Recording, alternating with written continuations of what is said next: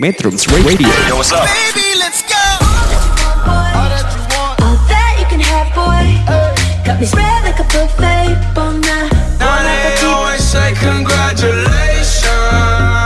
come on, strip that down for me. I'm on my way. Girl, come on, strip that down for me. Yeah, yeah, yeah, Metrums. Radio Media terintegrasi kaum muda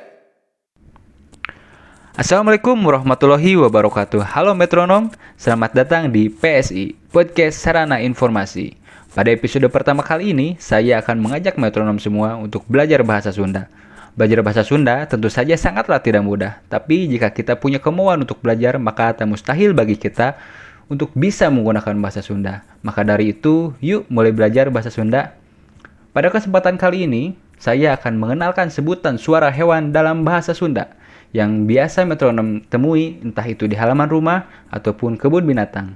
Berikut ini contoh sebutan suara terhadap tujuh hewan yang digunakan dalam bahasa Sunda. Sekedar informasi, suara hewan dalam bahasa Sunda adalah sora sato. Sekali lagi, sora sato. Langsung saja dilanjut pada pembahasan. Yang pertama ada suara anjing. Suara anjing dalam bahasa Sunda biasanya disebut dengan ngagonggong, nyugugung, dan babaung. Jadi ada tiga ya. Sekali lagi, ngagonggong, nyugugung, dan babaung. Nah, selanjutnya ada suara babi. Babi dalam bahasa Sundanya yakni biasa disebut bagong ataupun begu. Yang suaranya disebut dengan sesegrok. Sekali lagi, sesegrok. Yang ketiga ada suara merpati atau dalam bahasa Sunda japati. Biasanya suaranya disebutnya dengan ngabekur. Sekali lagi, ngabekur. Yang keempat ada suara domba atau kambing.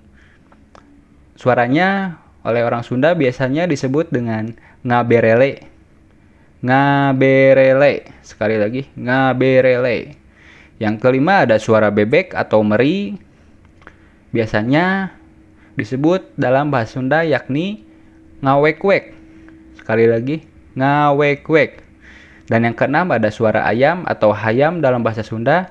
Suaranya biasa disebut dengan kongkorongok. Sekali lagi, kongkorongok. Yang terakhir ada suara harimau atau maung dalam bahasa Sunda. Biasanya suaranya disebut dengan ngagerem. Sekali lagi, ngagerem. Mungkin sekian dari saya. Semoga bermanfaat. Fajar Ismail pamit. Wassalamualaikum warahmatullahi wabarakatuh. Metrums Radio. Media terintegrasi kaum muda